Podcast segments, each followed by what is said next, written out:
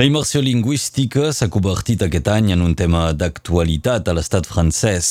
El diputat Paul Molac va presentar un projecte de llei per donar un marc legal i per fomentar l'ensenyament immersiu en llengües regionals. La llei Molac també tractava altres eh, punts, eh, com la visibilitat de la llengua a l'espai públic. Però aquest text sobre la qüestió de, de, de la immersió finalment va rebre el suport de diputats, de senadors, però va ser censurat pel Consell Constitucional francès. Aranda Castex va anunciar que dos diputats estudiarien les conseqüències de la decisió del Consell Constitucional. Ara ja tenim el, el report, l'informe aquí d'aquests dos diputats se l'ha llegit el president de la PLEC, l'Associació per l'Ensenyament del Català. A la Bailac Ferrer, bon dia.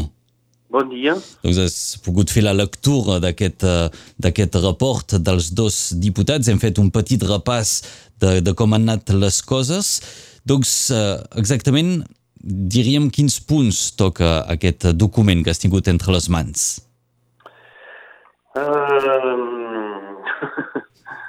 els punts que toca aquest, uh, aquest report en primer cal dir que mm, només concernia un dels dos punts censurats pel Consell Constitucional, és a dir, la, la qüestió de l'immersió, eh, perquè tot el que concerneix la prohibició d'accents en, en llengües regionals, això no ha estat tocat.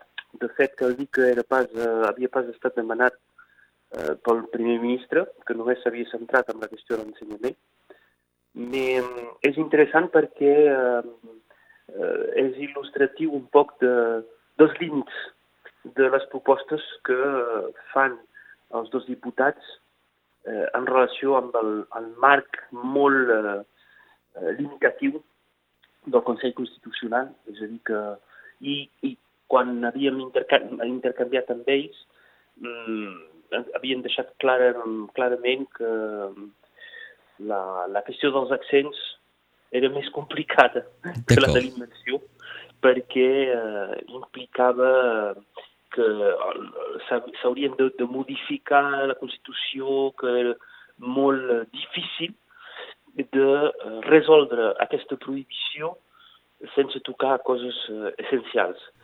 I això mostra eh, un poc l'equilibri, el joc d'equilibri, l'exercici d'equilibrista que han fet amb aquest report els dos diputats, eh, intentant de, de fer compatibles coses que són incompatibles. Mm. per resumir amb, amb dos sí. mots, la incompatibilitat és la Constitució, amb la lectura que en fan els polítics i els magistrats aquests del Consell Constitucional, i eh, un mètode, eh, anava a dir, pedagògic, però gairebé eh, de, de pràctica sociolingüística eh, com és eh, la immersió.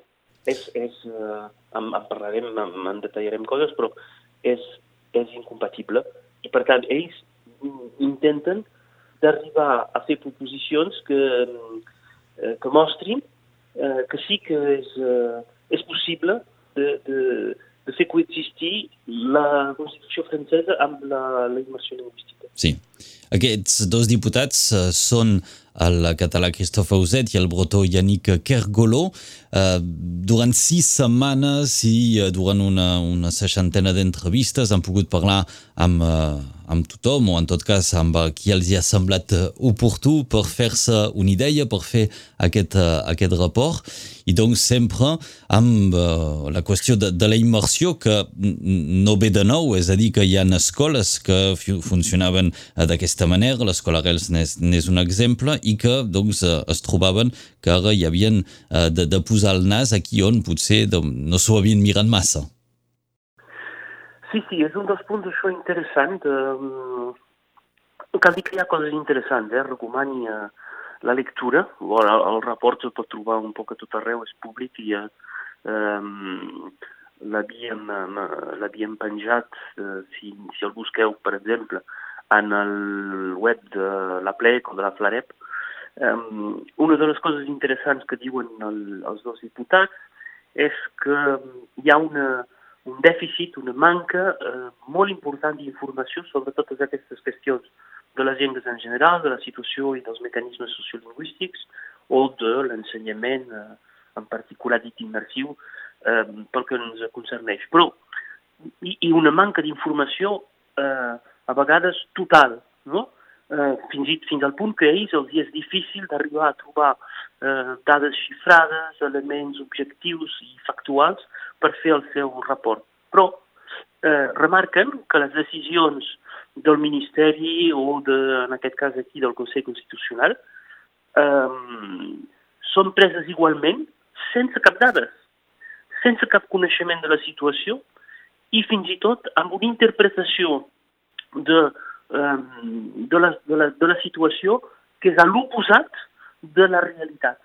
Com el fet, un, un just un exemple, eh, s'interpreta sistemàticament eh, la, la pràctica o l'ensenyament eh, de les llengües i, i, evidentment en particular de la, de la immersió, amb, amb la, la, la, la mètode, el mètode de l'immersió, com el fet que eh, això ocultaria, esborraria, eh, eliminaria la, la pràctica i fins i tot el coneixement i l'ús del francès. I, i evidentment, és, eh, és l'oposat de la realitat, perquè el, el, el francès és present a tot arreu, eh, fins i tot és la llengua que més coneixen els alumnes quan arriben a l'escola, que practiquen les famílies, etc etc. Eh, I basant-se en elements eh, completament irrealistes, prenen decisions brutals, contundents, enormes, com eh, prohibir, eh, prohibir eh, accents o dir que l'immersió és, eh, és eh, il·legal perquè eh, generaria una manca de coneixement del francès per part dels alumnes, mm. mentre que és el contrari. Sí. Hi, ha, hi ha aquesta absoluta manca d'informació o és manca d'informació que és possible per una part de la gent, o és eh, cinisme o mala fe, però sí. És, eh, és impressionant de veure com en certs cercles se decideixen unes coses sense eh, el, el mínim necessari per poder analitzar i prendre eh, unes decisions que són eh, determinants per, per, per quantitat de gent, com és aquí el fet que la immersió a França concerneix entre globalment les escoles immersives eh, eh, privades i el, el que es fan al públic, una quinzena de milers d'alumnes. Um, la Bailà, de, de fet és inquietant, no? Perquè mm, finalment sembla que el Consell Constitucional o diputats o senadors que han posat dubtes sobre la qüestió finalment es basen en clichés. Sí, sí, totalment. O, o clichés o, o uh, representacions ideològiques um, purament uh, teòriques. Um, I sí, sí, és inquietant perquè si funcionen de la mateixa manera en altres uh, temes, qüestions, uh, camps, uh, és inquietant. Uh. Però fa, fan por les llengües regionals a l'estat francès? És, és, el que, és el que diu en un moment donat el, el, el rapport, dient que cal uh, tranquil·litzar, rassurer uh, uh, a París, uh, els magistrats i això. Um, jo no m'ho crec. No, no, no, és, és aquí que, que, que faig efectivament la relació amb la, amb la manca d'informació o la mala fe, o les dues coses, segons qui, no m'ho crec que facin por. No, no pot ser que unes, unes llengües eh, agonitzants, per anar ràpid, eh, puguin eh, fer por al que, per anar ràpid també, se considera que és la cinquena potència eh, del món. No, no, no m'ho crec. Mm, és el que fan servir com a eh, justificació, com a motiu per continuar dins una lògica de, de repressió total. Eh, I això mm, sí que, que me sembla que me sembla greu. Mm.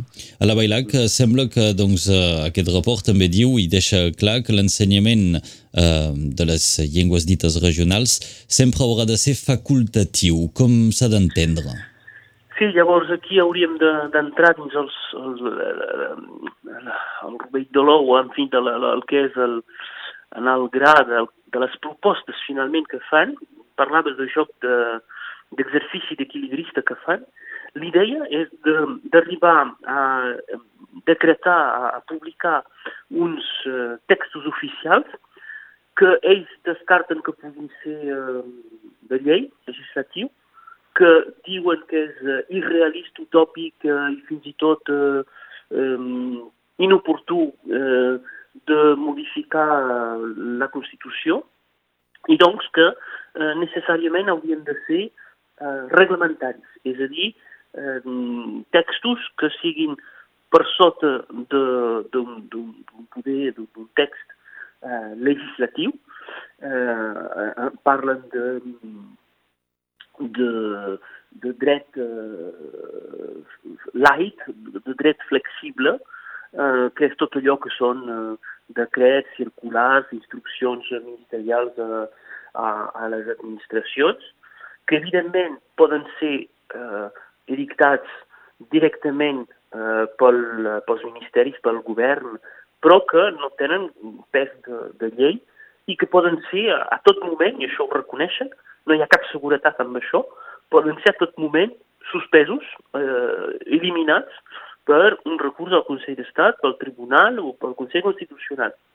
I dins aquestes propostes que fan de intentar de securitzar, diuen, eh, el més immediatament possible, perquè estem a poques setmanes de la rentrada. Eh, I això sí que adverteixen d'una inquietud molt grossa per part de les famílies i, i a nivell local de la gent en general, proposen de eh, redefinir, perquè es tracta d'això, un text reglamentari no pot ser altra cosa que explicar, no? recomanar, però no defineix cap, eh, no, no, no fixa cap marc jurídic.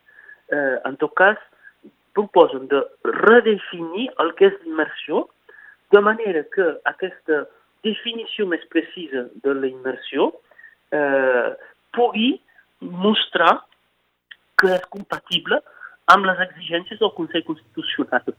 I llavors, les exigències quines són? Una, eh, el caràcter facultatiu. I el caràcter facultatiu eh, es tractaria de dir que la immersió, evidentment, és una, un mètode facultatiu i que no s'obliga ningú. Eh, després hi ha una altra qüestió clau, que és la qüestió de la eh, de la llengua regional com a llengua de comunicació mm, a fora de la classe, eh, que sigui eh, al pati, que sigui amb les famílies, que sigui en la comunicació d'informació des de l'establiment eh, o fins i tot amb, amb les institucions, posem per cas, o les autoritats acadèmiques. I això igualment és un punt clau perquè el Consell Constitucional interpreta que l'única eh, llengua que pot ser de comunicació ha de ser el francès.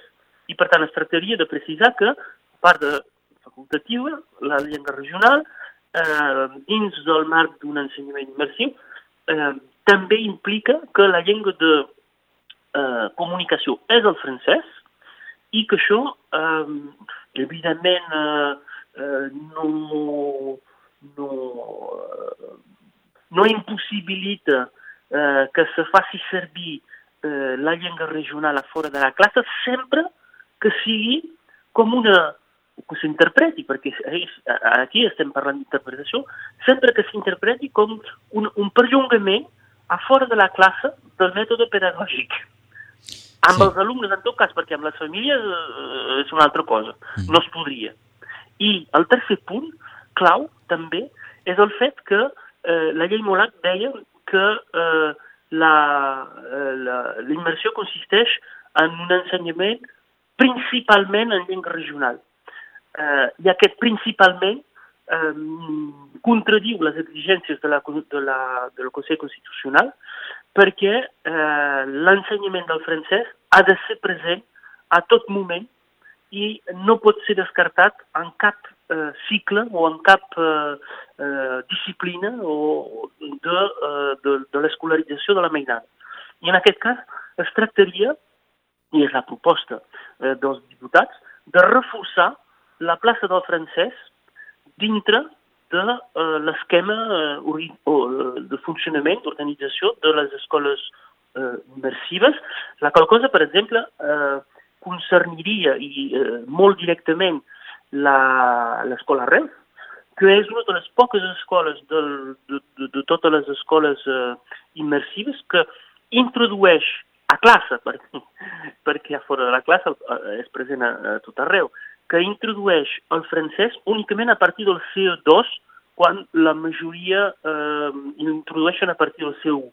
I per tant es tractaria, i això és una de les obsessions, evidentment, absolutament contradictòries eh, de, del Consell Constitucional i dels polítics en general a París, de eh, reforçar la presència del francès per, amb, amb l'objectiu, i és aquí que és absolutament absurd, eh, reforçar la presència del francès per eh, garantir el bon coneixement eh, del francès per part dels alumnes. Quan els, els, um, els tests, les avaluacions de les escoles immersives demostren que els alumnes de, eh, que surten del bilingüisme o de l'immersiu tenen coneixements de francès més bons que els altres.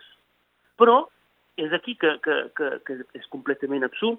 Cal reforçar dintre de l'immersió la presència i l'ensenyament de francès perquè eh, se garanteixi el coneixement del francès. És absolutament eh, eh, increïble, coses així, és, és antirracional. Bet aquí algunes, tant, sí, algunes reflexions, eh, després d'aquesta lectura que has fet d'aquest report, segurament eh, hi ha molts més punts que podríem posar endavant, potser ho anirem fent eh, a mesura que, que també se'ls vagi païnt. Un escup, llavors. Un escup.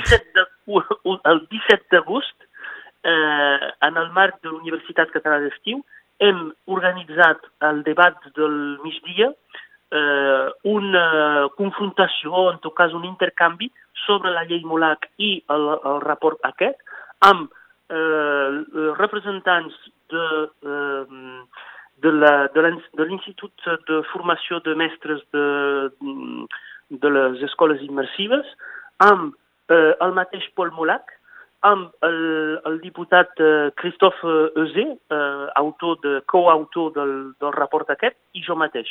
Doncs si en voleu saber més i tenir informació de primera mà sobre eh, aquest rapport, la llei Molac i, i, i tot plegat, i les reflexions que, les conseqüències que, de, que, que hi haurà a, a pocs dies de fet de la rentrada, el, us doni cita el, el 17 d'agost a, a Prada, eh, al migdia i suposi que també en, en línia perquè l'UC 53 se farà també en línia. Sí, sí, sí. El 17 d'agost, doncs, prenem data per uh, tornar sobre aquesta temàtica. Avui veiem un poc més clar en el que és aquest uh, rapport dels uh, dos diputats amb una sensació que el tema de la immersió havia de beneficiar més les llengües dites regionals, però finalment també beneficia, i així s'ha pensat també el francès, i amb aquesta inquietud de fer entre la definició del mot immersió al mollo de la Constitució francesa.